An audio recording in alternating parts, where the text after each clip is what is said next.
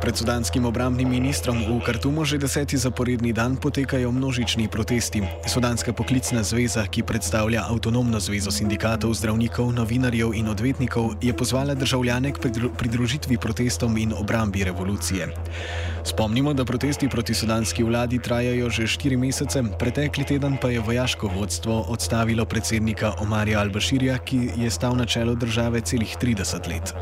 Po prisilni odstavitvi predsednika je oblast prevzel general Awad ibn Auf in razglasil izredne razmere s policijsko uro za naslednje tri mesece, za vodenje države pa pooblastil vojaški svet pod svojim vodstvom. Vojaška vlada seveda ni bila pogodu protestnikov, ki so ustrajali na ulicah, Ibn Auf pa je 12. aprila po enodnevnem vodenju države odstopil. Konec tedna se je vojaška oblast sestala s predstavniki političnih strank, ki naj bi predlagale imenovanje neodvisnega premijeja za vodenje tranzicije. Glede na izjave civilno-družbene zveze Svoboda in Sprememba se je vojska sestala tudi s predstavniki protestnikov, ki so oblasti predstavili seznam zahtev.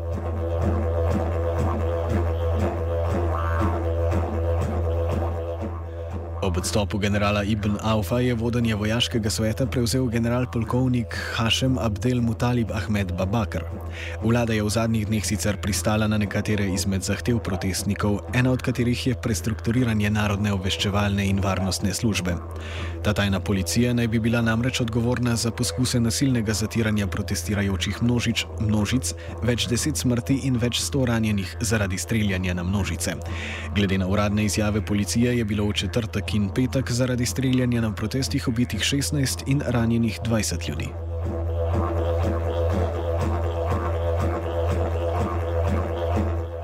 Z vrha varnostno obveščevalne službe je pred dnevi že odstopil Saleh Abdaleh Goš, na njegovo mesto pa je bil imenovan eden izmed višjih vojaških častnikov. Glede na izjave oblasti bo iz mesta obramnega ministra odstopil preomenjeni obraz državnega udara general Abd ibn Auf. Sudanska poklicna zveza, ki igra ključno vlogo pri demonstracijah, ustraja, da se protesti ne bodo nehali, dokler v Sudanu ne bo vzpostavljena civilna vlada. Na seznamu njihovih zahtev sta med drugim tudi izpustitev vojakov, ki so prestopili stopili na stran revolucije in zaseg premoženja nekdaj vladajoče Baširjeve stranke nacionalnega kongresa.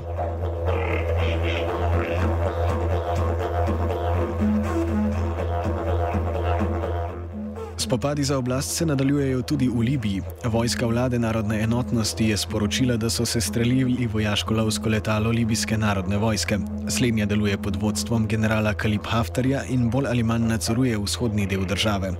4. aprila pa je vojska pod Haftarjevim ukazom začela ofenzivo na zavojevanje libijske prestolnice Tripoli. Tam sicer deluje tako imenovana vlada narodne enotnosti, ki uživa podporo Združenih narodov, vendar pa več kot očitno ne obvladuje razmer v državi državi. Letalski napad na položaje vlade v Tripoliju in neizvestih milic so se okrepili preko konca tedna, ko naj bi letala bombardirala predmestje Haftar, pa se je včeraj sestal z egiptovskim predsednikom Abdelom Fatahom El-Sisijem. O čem je potekal pogovor obeh glav, ni znano, iz Sisijeve pisarne pa so sporočili, da je Haftarju zagotovljena egiptovska pomoč pri boju proti terorizmu in ekstremistom s ciljem vzpostavitve varnosti in stabilnosti v Libiji.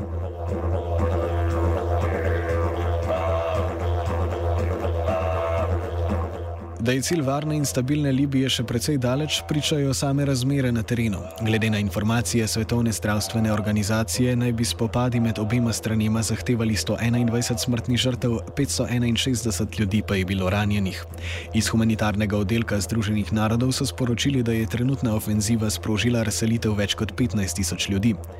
Dodatno so nevarnostnim vojnih razmer izpostavljeni tudi migranti, ki so zaprti v centrih, ki jih financira Evropska unija. Slednja je na vkljub trenjem med Francijo in Italijo pozvala Haftarja k umiku. Združeni narodi prav tako pozivajo k končanju spopadov in ne spreminjajo svojega stališča pri podpori. Vlade narodnega soglasja pod Fajezom al-Sharačem. Na včerajšnji dan je sicer ta organizacija načrtovala začetek pogovorov med vlado Sarača in Haftarja, vendar so jih očitno prehiteli spopadi.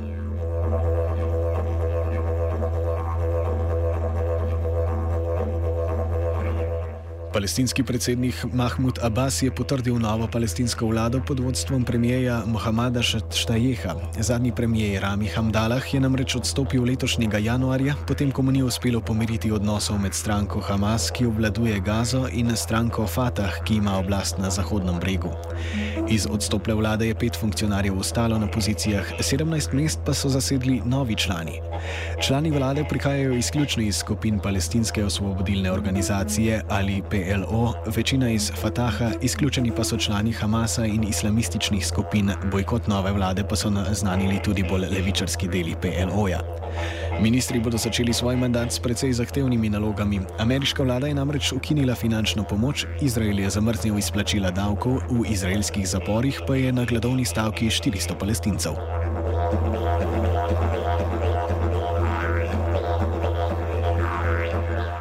Na parlamentarnih volitvah na Finskem je z minimalno prednostjo nič celih 2 odstotka glasov stavila stranka socialnih demokratov, ki je prejela 17,7 odstotka in s tem osvojila 40 sedežev v 200-članskem parlamentu. Takoj za njo je 17,5 odstotka nacionalistična stranka Fincev, ki je dobila 39 poslancev.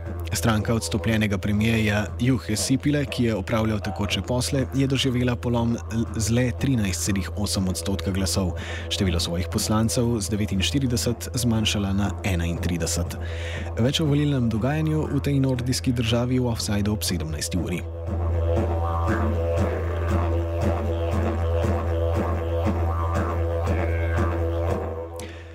Ruskem Sočiju je po bolezni umrla Mirjana Markovič, vdova pokojnega predsednika Zvezdne republike Jugoslavije Slobodana Miloševiča. Kot njen mož, ki je bil leta 2001 izročen sodišču za vojne zločine v Hagu, kjer je pet let kasneje umrl, tudi ona ni bila nikoli obsojena.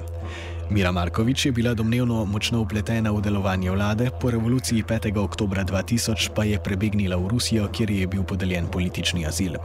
Po Miloševičevi smrti za Markovič v Srbiji čakala obtožnica o sodelovanju pri atentatu na novinarja Slavka Čaruvijo, takratne oblasti pa so bile neuspešne pri zahtevah po izročitvi. V Rusiji še vedno prebiva sin Marko Miloševič, čigar vloga v organiziranem kriminalu v Srbiji je tudi javna skrivnost.